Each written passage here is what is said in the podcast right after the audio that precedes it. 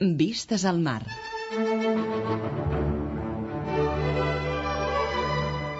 Vistes al mar. Una mirada als nostres músics.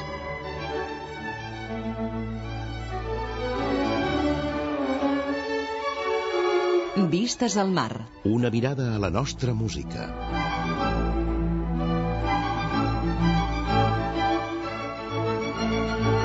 Vistes al mar.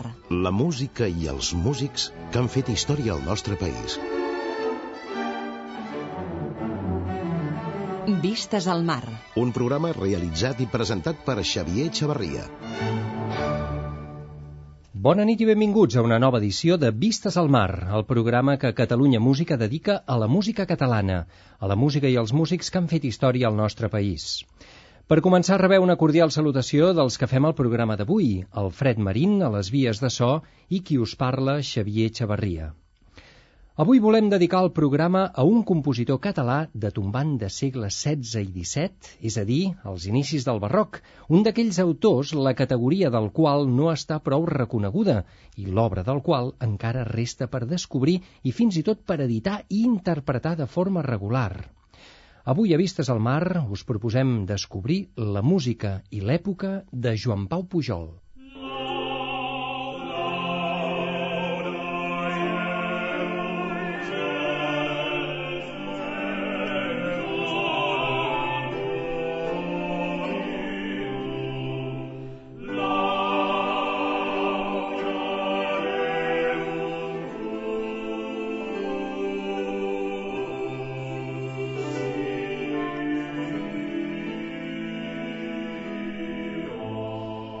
Joan Pau Pujol es pot considerar el músic frontissa, el que fa de pont entre l'estil musical del Renaixement tardà o manierisme i el nou estil barroc.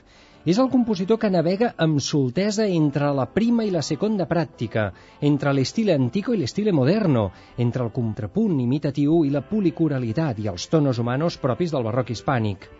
Joan Pau Pujol va néixer a Mataró el 1570 i va morir a Barcelona 56 anys més tard, el 1626. Per tant, és fill d'una època i d'un segle, el segle XVI, però opta i es desenvolupa pel nou estil barroc del segle XVII. Joan Pau Pujol va ser mestre de capella a Tarragona, a Saragossa i a Barcelona i va escriure infinitat d'obres religioses i profanes de gran bellesa i enginy. I el tenim mig oblidat. Ja sabeu que en aquest país som especialistes en això. I per aquesta raó hem volgut dedicar aquest programa Vistes al Mar a Joan Pau Pujol, però també volem aprofitar l'embranzida que li donarà a la divulgació de la seva música un seguit de concerts que aquests dies de novembre està oferint el conjunt Exaudi Nos, que dirigeix Joan Grimal, arreu de Catalunya i dedicats íntegrament a la música de Joan Pau Pujol. Concerts molt interessants que ens permetran escoltar bona part de les seves obres, algunes inèdites, en viu i en concert. Per parlar de Joan Pau Pujol i de la seva música tenim amb nosaltres a Mariano Lambea, musicòleg, investigador del CSIC i autor d'una tesi doctoral sobre aquest compositor. Senyor Lambea, bona nit i benvingut. Bona nit, gràcies. Gràcies per ser amb nosaltres. També saludem i donem la benvinguda a Joan Grimal, director del conjunt Exaudinós. Bona nit i benvingut, Joan. Hola. I també us presentem Josep Maria Gregori, catedràtic de Patrimoni Musical a la Universitat Autònoma de Barcelona, coautor d'un llibre dedicat a Joan Pau Pujol i membre del conjunt Exaudinós. Josep Maria Gregori, gràcies i benvingut. Bona nit, gràcies. Per començar, valdria la pena situar aquests concerts. Eh, Joan Grimal, ens podria explicar una miqueta doncs, en què consisteixen aquests concerts? Aquest cap de setmana mateix, demà, per exemple, actuen vostès a Barcelona i diumenge a Sabadell, i al cap de setmana tres concerts més a Torroella, Esparreguera i a Girona. Només Joan Pau Pujol, oi que sí?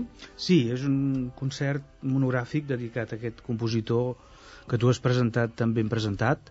Aquest any, a diferència dels altres anys que fèiem només música en llatí, o sigui, pròpiament litúrgica, aquest any hem afegit una sèrie de peces en llengües romans, que en aquesta època vol dir pràcticament només en castellà, i que donen una gran varietat al programa, perquè el contrast entre aquest món més del contrapunt sever, de l'estil antic, de la, de la música litúrgica, és bastant gran amb aquest altre repertori, que també és policoral, però que té un so molt diferent molt més popular, molt més assequible, molt més ballador i també molt més obert a les novetats eh, provinents d'Itàlia, a les novetats barroques.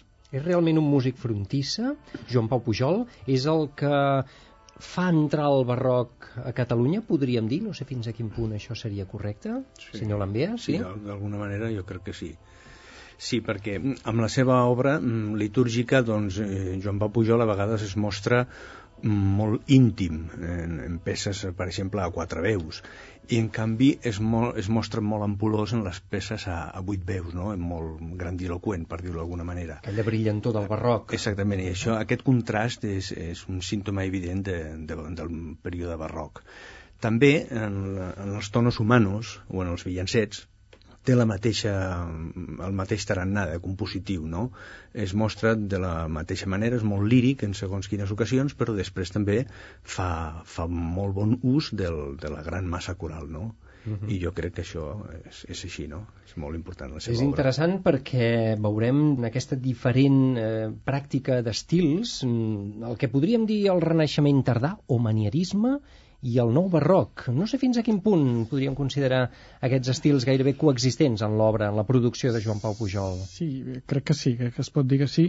De fet, dins de la seva música eclesiàstica, veiem aquesta herència que ve del Renaixement de dos estils dins del llenguatge eclesiàstic, l'estil missa i l'estil motet. És a dir, l'estil missa respecte, vol dir el, el respecte cap a la tradició, cap a la severitat, doncs, del que després se'n dirà l'estil antico, ja en ple, en ple barroc. Eh? Contrapunt imitatiu. Contrapunt imitatiu, una escultura uh -huh. més, més, més uh, sinuosa, més deliquescent i en l'estil motet es veu el, la, les, les petites incorporacions que venen des de la música profana, des del madrigal, que va absorbint la modernitat dels manieristes. És a dir, que el manierisme es detecta de tota manera a través d'aquestes tímides incursions, mm, diríem, d'aspectes uh, harmònics i d'atreviments, eh, inclús, uh mhm. -huh. en el llenguatge de la música eclesiàstica també, però a través del motet, no?, de la missa. La missa és més clàssica, és un gènere més conservador. Més conservador. Per, sí. per tant, podem parlar d'un compositor plenament barroc, Joan Pau Pujol? Uh, no sé què dir-te. Uh mhm. -huh. És a dir, ha, és, abans ho ha dit el Mariano molt bé, no? Hi ha, en, en l'escriptura 4, uh, Pujol es, es mostra mm, molt flexible, és molt, de seguida mm, se sent el perfum de la música de Victòria, m'explico, eh? d'aquesta polifonia clàssica del renaixement hispànic, sobretot, no? Però, en canvi, l'escriptura 8 Canvia, canvia de, canvia de textura, canvia de discurs, és un músic uh, molt, més, molt més compacte amb el discurs. Jo el veig veig més a prop de Comas i més a prop del que serà la música, diríem, les influències que ven de la música veneciana, no? En uh -huh. cas, ja, ja no és una música del manierisme, això, ja és, ja és barroc, de fet, de conceptes barrocs. Sí. Uh -huh. És interessant aquesta evolució fins i tot dels estils a través de la producció d'un sol compositor, que probablement coneixia música com aquesta que venia de Venècia.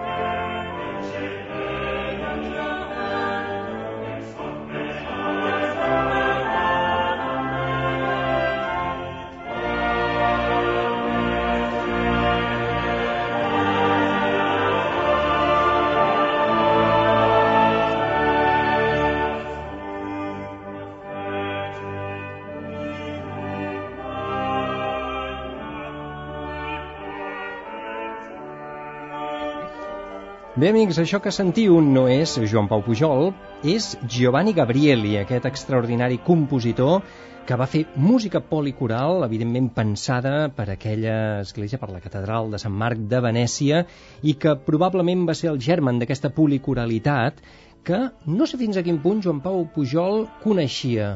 I si més no, no sé si les seves obres arriben en aquest punt de magnificència que estem sentint en, aquesta, en aquest magníficat a 33 veus de Giovanni Gabrieli.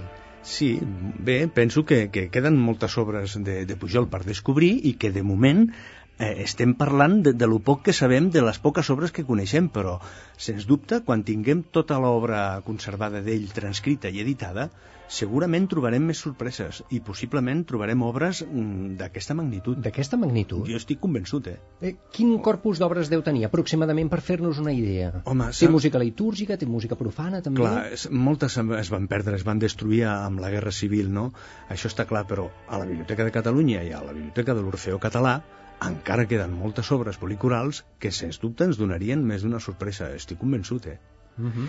El que passa és que hem de treballar tots plegats eh, per, per editar-les i, i en aquest sentit eh, s'ha de, de dir que és molt important la tasca mm, que està duent a terme la Biblioteca de Catalunya i la seva directora, Dolors Lamarca, que està molt interessada en continuar el projecte d'edició de les obres de Pujol. Perquè en aquests moments, què hi ha editat de Joan Pau Pujol? Doncs en aquells moments eh, el, tenim dos volums d'Higini anglès que els va editar als anys 1926 i 1932 del segle passat i darrerament eh, Sergi Casademunt ha agafat materials que el propi anglès va deixar ja transcrits i, i per editar i en, eh, Sergi Casademunt doncs, els ha posat en ordre i ja estan publicats, em penso que un volum més i un altre que deu estar a punt de, de sortir no? Ah, llavors ja portem quatre però Higini Anglès en, l'any 32 va manifestar en els seus escrits que l'obra completa de Pujol a lo millor constaria de 8 volums.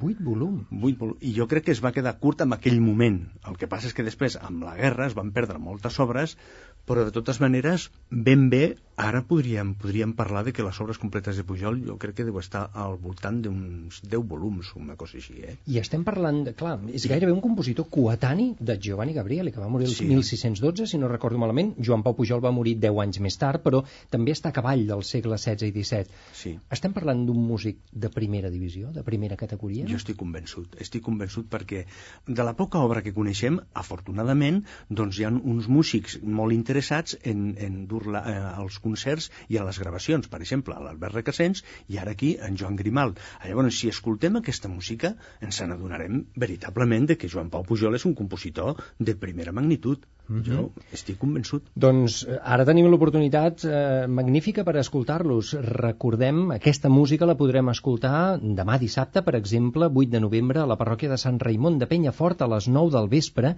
i demà passat diumenge a Sabadell, a la parròquia de Sant Feliu, a les 7 de la tarda.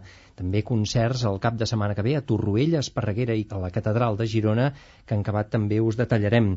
I estem parlant d'un compositor, per fer un petit eh, retrat biogràfic, que de jove es va formar a la Catedral de Barcelona, va néixer a Mataró el 1570, va ser mestre de capella a Tarragona i amb 25 anys va opositar i va guanyar per oposició el magisteri del Pilar de Saragossa, a la, a la Basílica del Pilar a Saragossa, on s'hi va estar fins a 1612. 17 anys va treballar com a mestre de capella Joan Pau Pujol a Saragossa.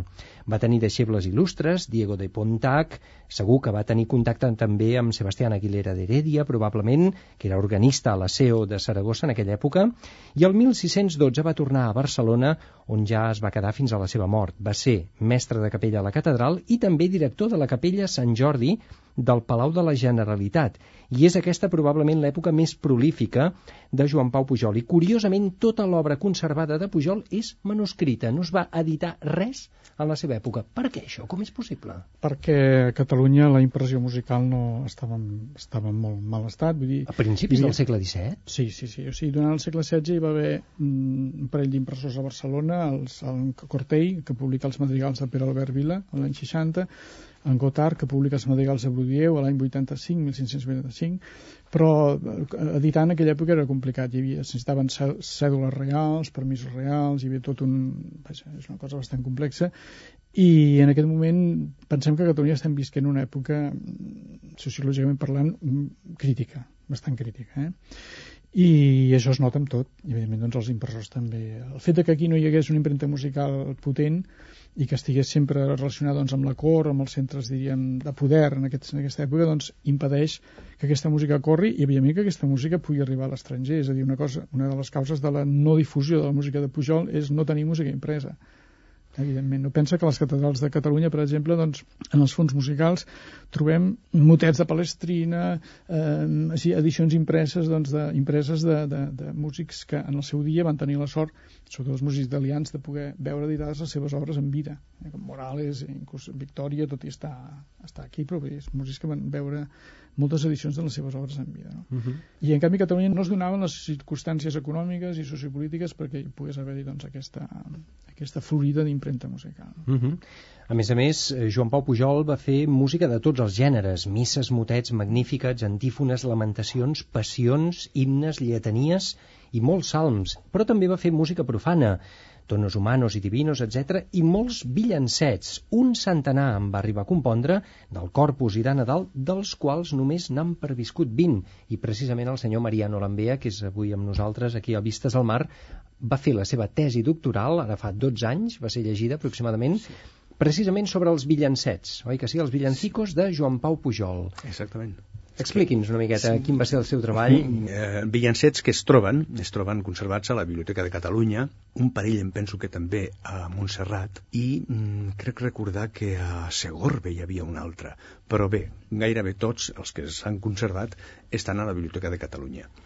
Són per una plantilla des de 3 veus fins a 8 veus. O sigui, hi ha a 3 veus, a 4, a 6, que també hi ha molts, i a 8 molts són eucarístics, és a dir, el Santíssimo Sacramento que posa el manuscrit, i altres estan de, són de Nadal. Molts villancets de Pujol de sants particulars no, es van, no, no han arribat fins a nosaltres, no? S'han perdut, malauradament. Jo el que he pogut mm, veure amb aquestes obres eh, és eh, l'ofici del mestre, no? És a dir, de, de, del músic que ja és un moment de la seva vida que és ple de la seva inspiració. No? Eh, Pujol va escriure aquests villancets eh, quan estava a Barcelona, als darrers 10 o 12 anys de la seva vida, quan va tornar de Saragossa. No? Uh mhm. -huh. I és en aquell moment quan ell eh, és més inspirat i la seva música té més, més qualitat. No? Bé, aquesta és una vessant de la seva producció en llengua romans. Després està també la, el, les, les músiques sobre textos profans, per dir-ho d'alguna manera. No? tonos humanos, que es deien a l'època. I Pujol també, en diversos cançoners de l'època, també té obres d'aquesta manera, no? I al cançoner d'Olot es conserven moltes obres de Pujol en, en romans a l'humano i a lo divino, que es deia a l'època, eh? I també aquí Pujol també és un hàbil contrapuntista i un hàbil escriptor de, del, amb l'estil madrigalès, no? És, en un moment determinat ell intenta reflectir sempre Eh, el sentit del text poètic no? és una de les... sempre està amoïnat Pujol per, per posar en música eh, acuradament el text si d'una cosa es caracteritzen els músics del barroc és precisament per aquesta atenció al text i fins i tot per l'aplicació de elements retòrics en la seva música. Joan Pau Pujol sí, sí. ja ho fa, això? Sí. Però estem sí, sí. a principis del segle XVII, és un avançat, aquest home. Bé, bueno... Mm, ja, ja s'havia fet. Sí, ja Potser al segle XVII hi havia ja compositors, no? Que, sí, el mateix Schutz, per exemple, i ja molts altres hi havia... Tenen en compte...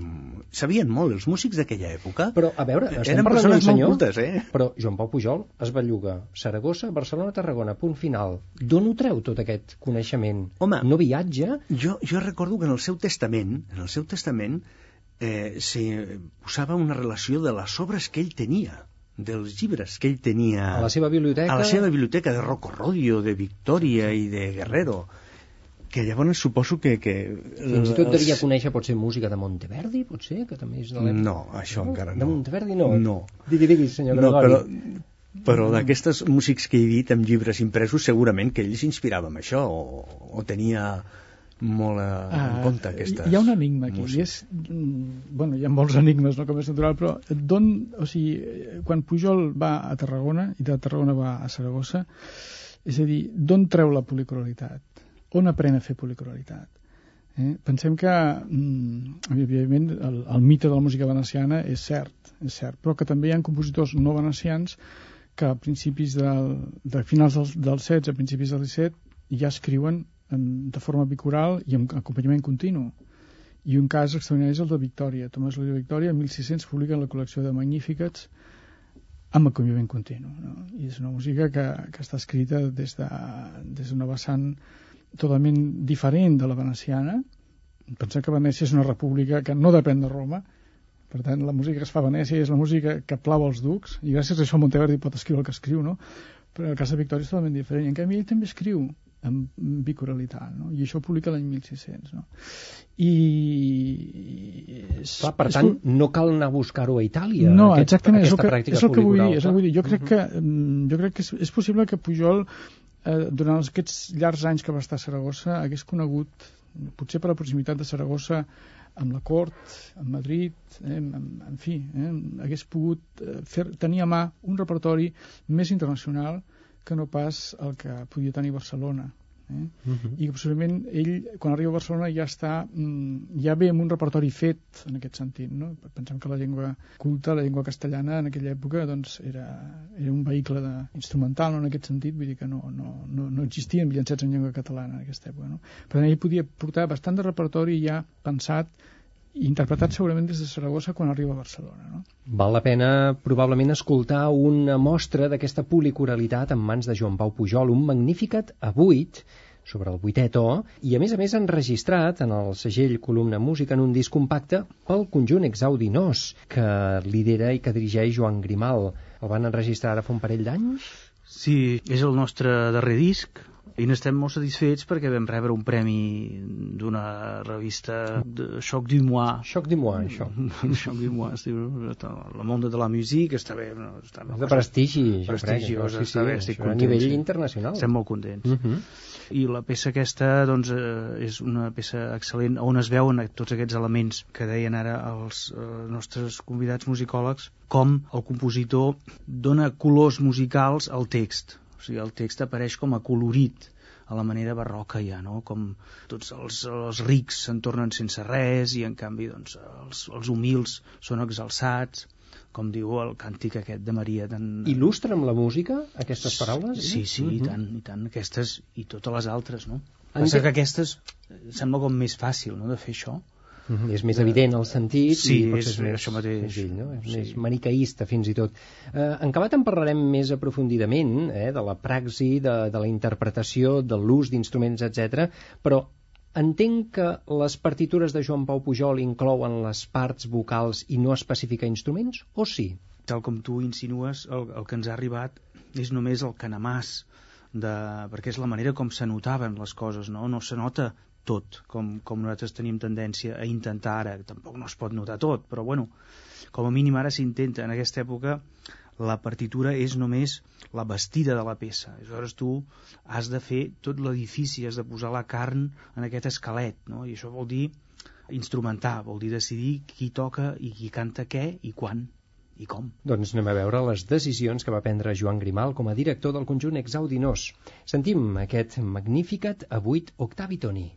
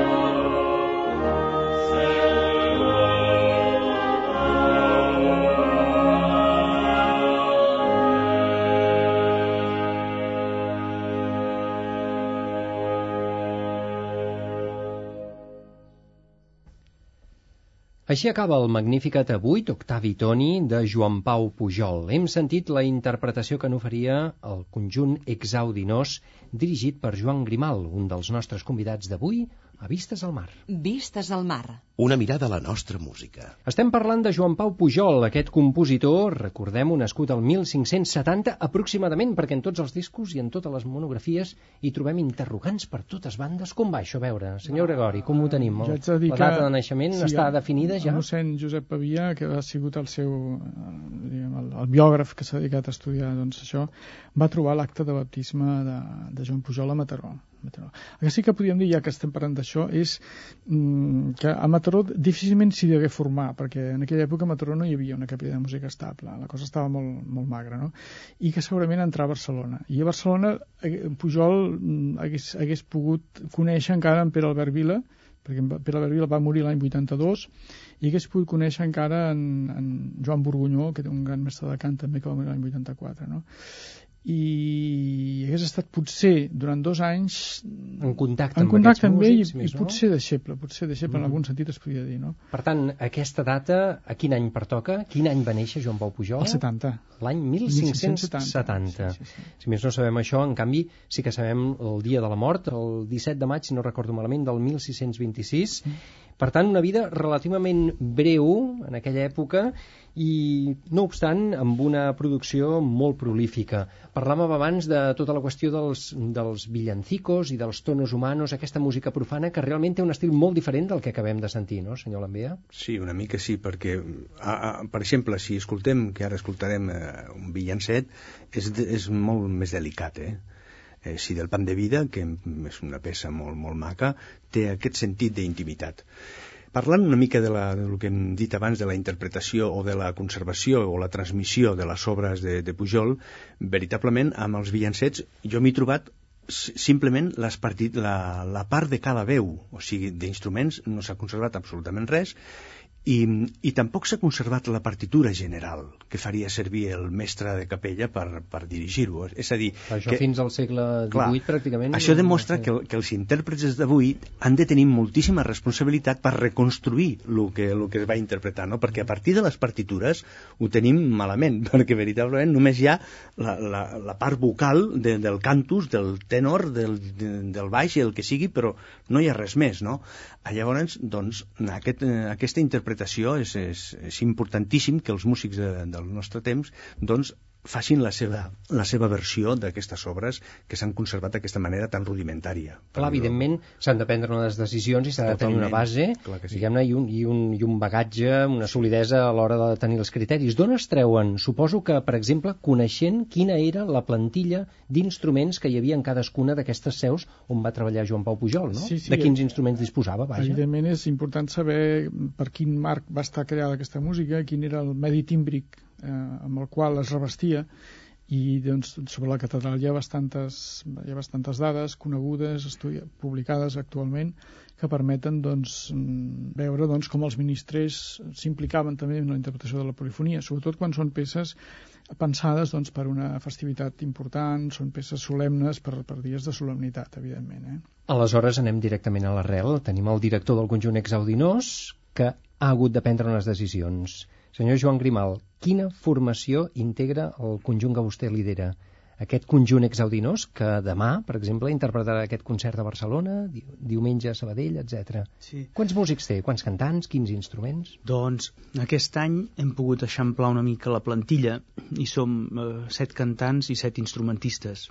Però jo trobo que aquest tema dels instruments, la veritat és que trobo que sovint eh, el sobrevalorem una mica. Pot ser?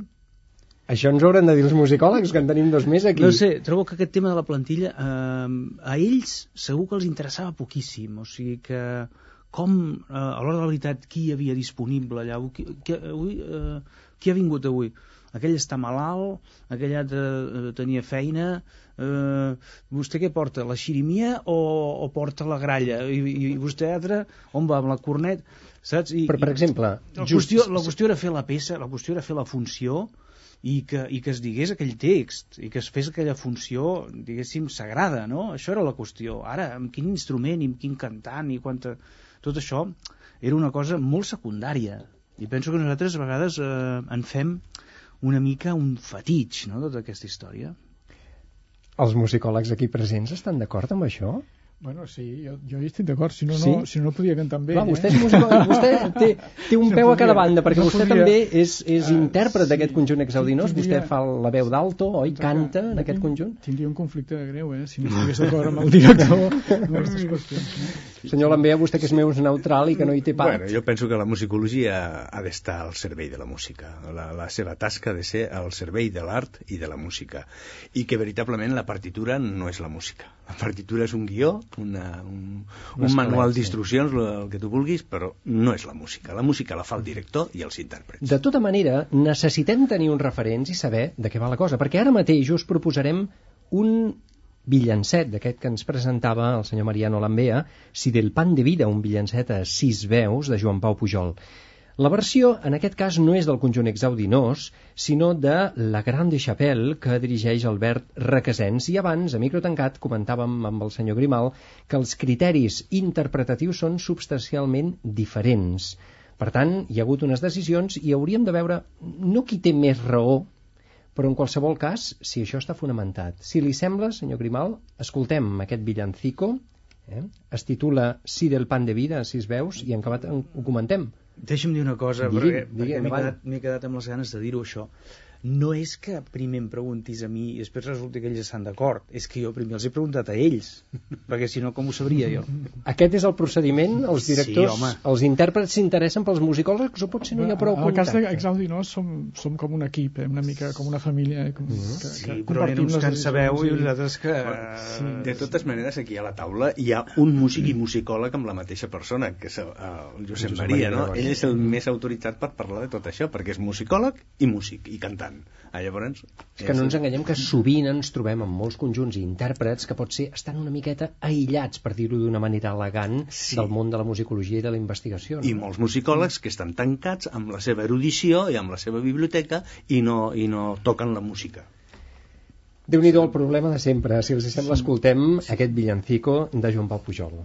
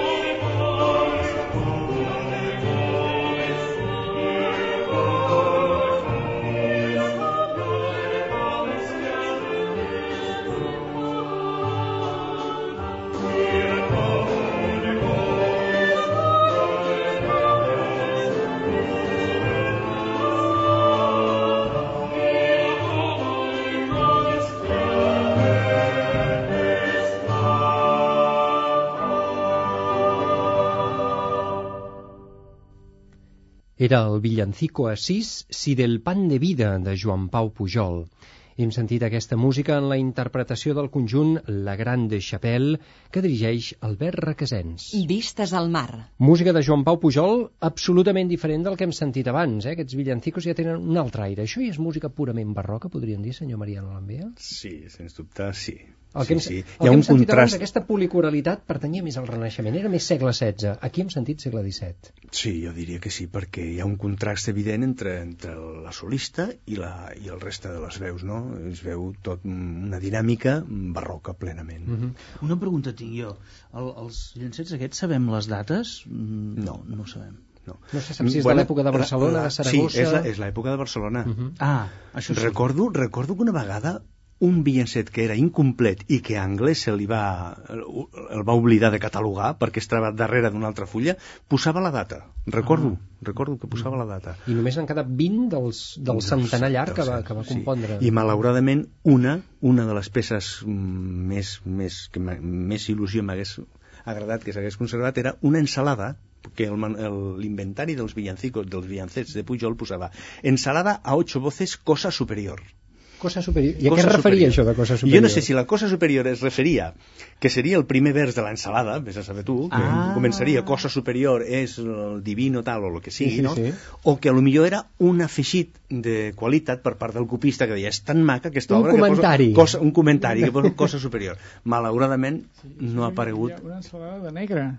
Ah, Una sí? ensalada de Joan Pau Pujol? De negre, sí. La negra es deia. No, no es deia la negra, de- deia negro. Com, Negre. com els villancets de... de... Turulú negro del rei Baltasar. Sí. A ocho. A vuit veus. Una mica germana parenta d'aquella negrina La del tradició que ve de les ensalades I segurament de el, el llenguatge estaria manipulat... Eh... Bueno, el sí. llenguatge sí, amb totes les onomatopeies i amb aquest argot que imita la parla dels esclaus que hi havia aquí en aquella època. No? Mm. Jo volia dir una cosa, i és que el villancet, el villancet barroc no, és, un hereu, és hereu del villancet del Renaixement. I hi ha villancets com el Duc de Calàbria, per exemple, el No la debemos dormir, si el recordareu. És un villancet que ja comença precisament amb una, amb una, amb una tonada que després té la resposta a quatre, però té una copla que és a solo, és a veu sola. I ja, ja és com un germen del que serà després aquesta mena de, de villancets romans del segle XVII, que comença doncs, amb una tonada solo, té la resposta a 6 o a 4 i després té les coples. És a dir, una mica ja es veu en el... I en de el qui és 16. aquest villancet que ens explica? És anònim, és pertany al- a la col·lecció del cançoner del Duc de Calàbria, que es va Mhm. publicar a Venècia l'any 1556. Eh? Mhm. Sí, sí. déu nhi Per tant, aquí estem veient gairebé la, la llavor de- d'aquest nou estil, diguem-ne, que, que arriba també a Catalunya. Amb aquestes peces tan contrastades com deies, Josep Maria, està, són orientacions per l'intèrpret d'avui. Perquè si hi ha fragments a solo, després entrades Sí, a quatre, sí. i després... Això ja li estan donant pistes a l'intèrpret d'avui perquè fa- faci una introducció instrumental agafant material temàtic de la sí. copla o de l'estribillo o d'allà on sigui, no? El mateix passa amb el llancet Soleta i Sujo sí, el recordeu? Ah, sí, molt També hi ha la versió Soleta i Verge Estic, en la qual Cepa posa una estrofa a cinc veus.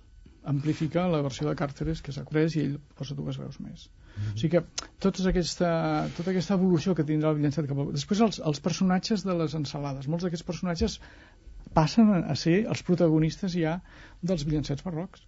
Sí. El vizcaíno, el negro, el portuguès... asturiano, Els villancicos de naciones, aquests que en diuen, d'en Després seran, Ripollès... no els sé. villancets de nacions seran els hereus de les ensalades. D'aquest- d'aquest Personatges que surten, que, tenen, que parlen amb un d'ells concret, etc. sí, un sí, ve sí, d'aquí, sí, l'altre que imiten eh, la manera de parlar Mhm. o l'argot d'aquests personatges. Sí, això és molt divertit. I ara farem que el director, que avui també és amb nosaltres aquí al programa Vistes al Mar, es mulli una miqueta. Hem sentit aquesta interpretació i abans a micro tancat ens comentava que evidentment respectant la des, les decisions que prenia en aquest cas el director del conjunt que acabem de sentir, Albert Requesens, però que ell anava per una altra banda amb la qüestió interpretativa.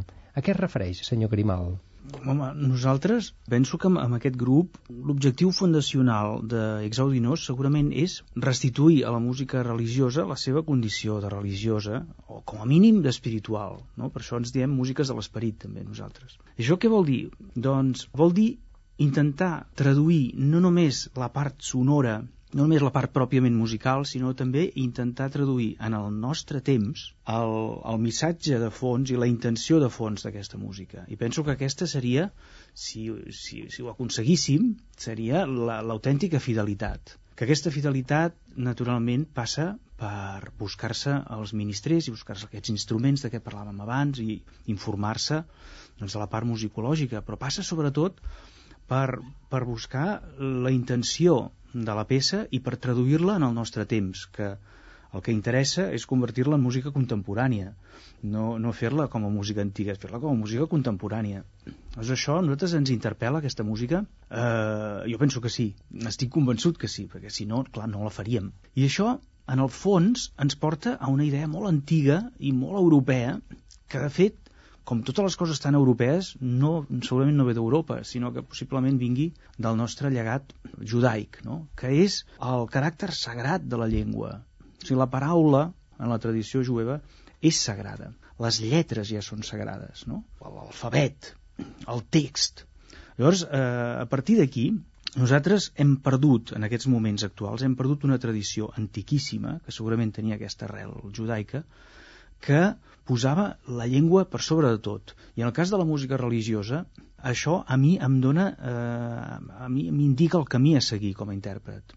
Jo el, el que em limito a fer, en lloc de pensar si aquí faré un accent perquè no sé què, no, no, no, perquè està tot clar. O sigui, si tu segueixes la prosòdia i segueixes la dicció i segueixes el que diu el text, la interpretació eh, ve donada per si sola, no cal que t'inventis res perquè és el que, és el que ja et marca la paraula. La paraula, per, al, per a una persona del 17, està al capdamunt de tot, i la música la serveix humilment, i ja està. Llavors, tu com a intèrpret, si et limites a fer això, doncs la, la música ja, ja, ja, ja et ve donada.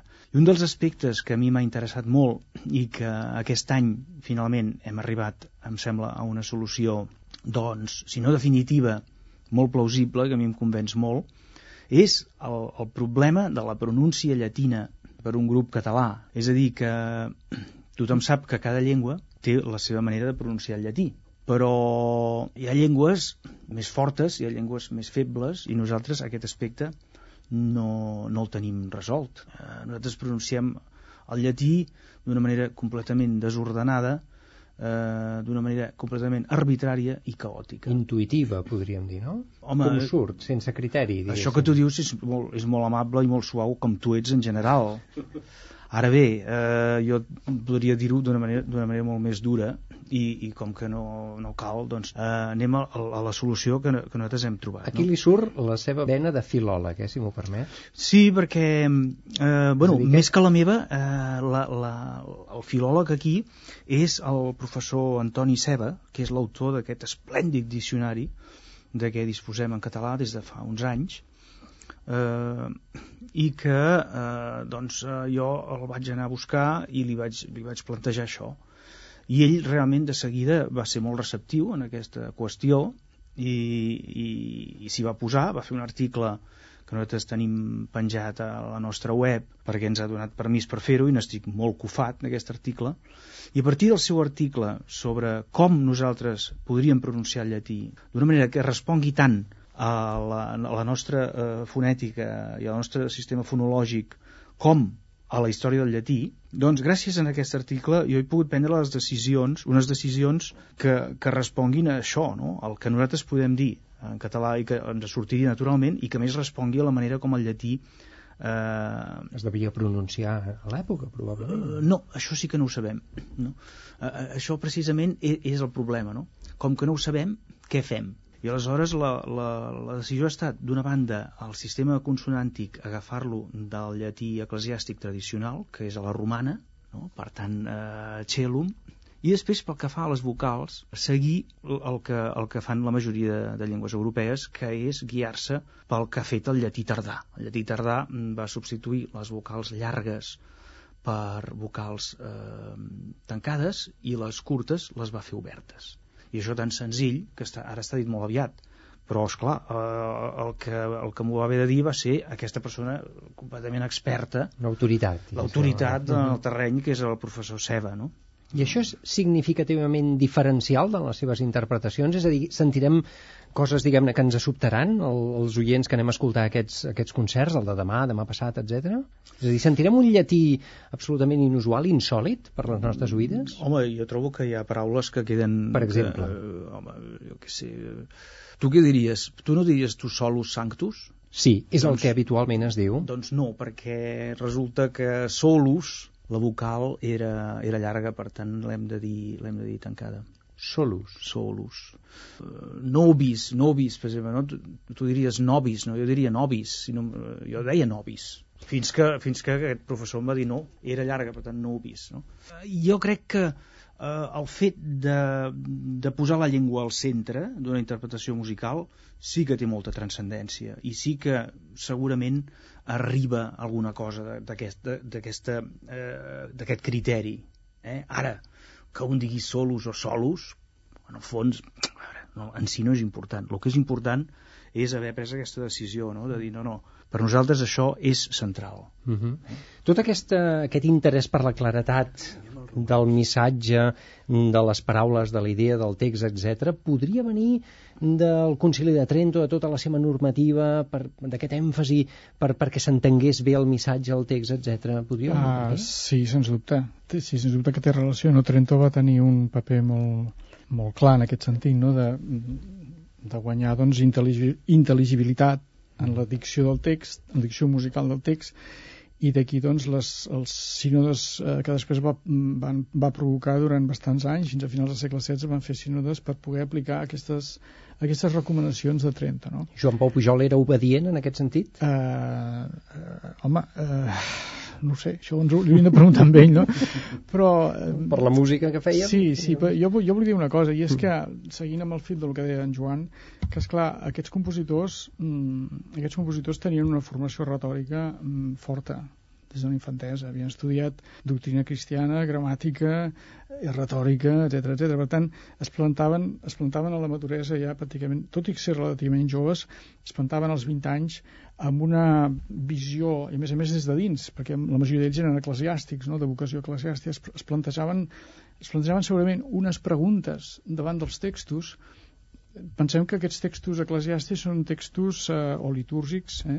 són textos d'una naturalesa moltes vegades simbòlica, que no parlen de realitats eh, humanes, naturals, eh, quotidianes i experimentables per tothom. Per tant, si són textos de naturalesa simbòlica, el que està fent el compositor ja és fer una exegesi, un comentari sonor d'un símbol. Per tant, aquí la música actua com un símbol d'un símbol. Eh? És a dir, que això és una cosa que crec que no ho hem de tenir present. La consciència que tenia el compositor a l'hora de musicar aquests textos. És a dir, fins a on podia arribar la seva intenció expressiva, la seva voluntat expressiva d'afinar en els sentits dels, de les paraules, no només de les paraules, sinó del que les paraules evoquen o suggereixen, res més, que és un misteri, evidentment. I Clar, això- És que també estudiaven cant pla, eh?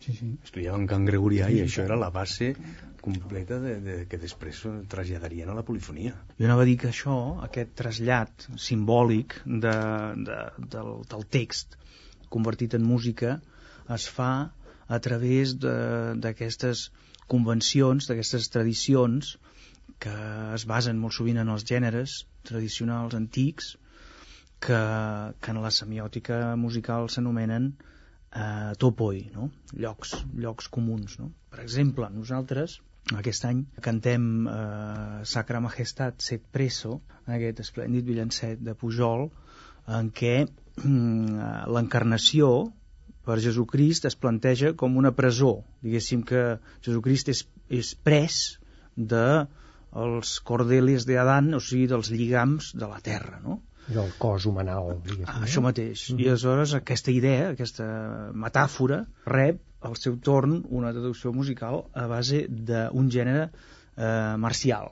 no? el, el, del topos militar.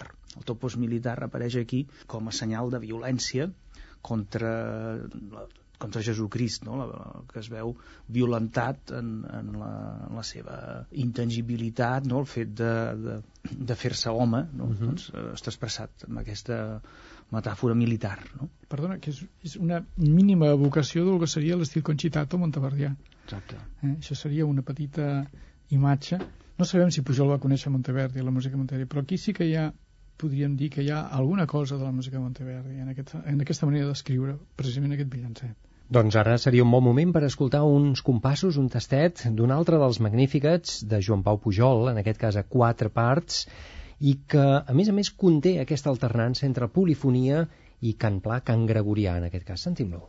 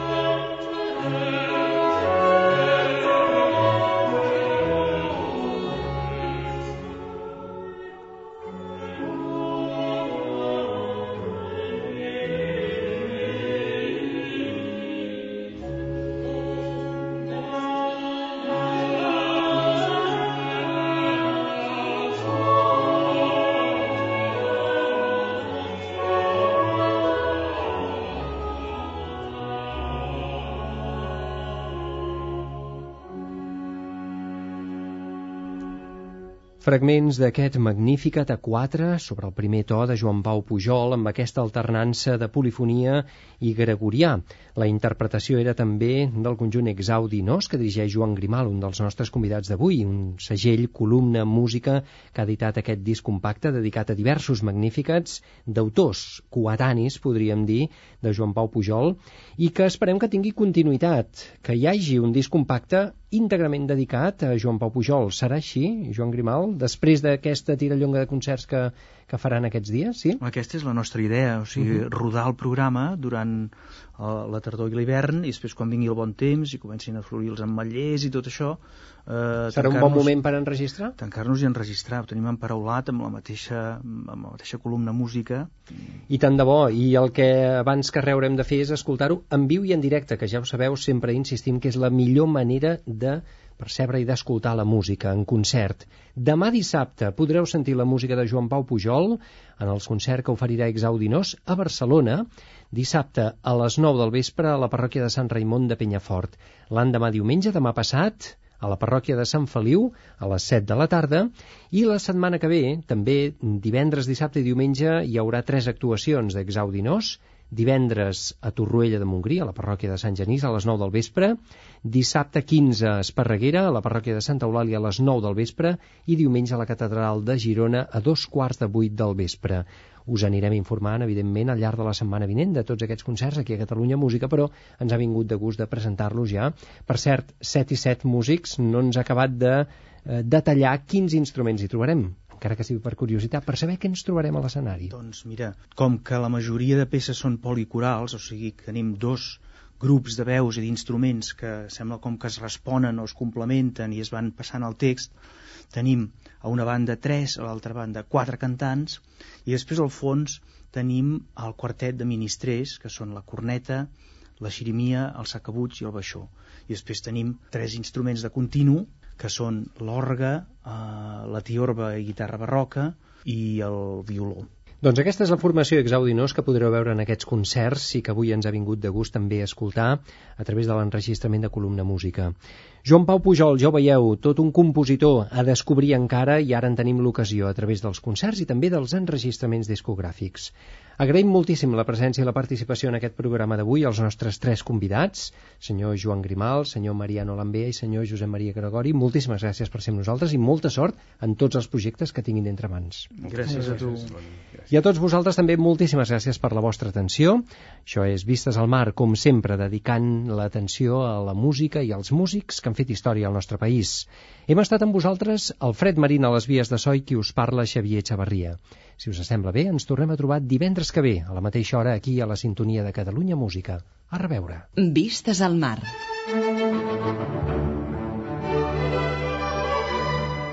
Vistes al mar. Una mirada als nostres músics.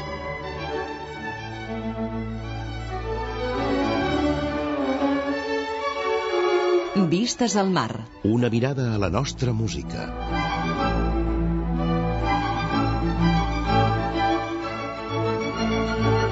Vistes al mar. La música i els músics que han fet història al nostre país. Vistes al mar. Un programa realitzat i presentat per Xavier Xavarria.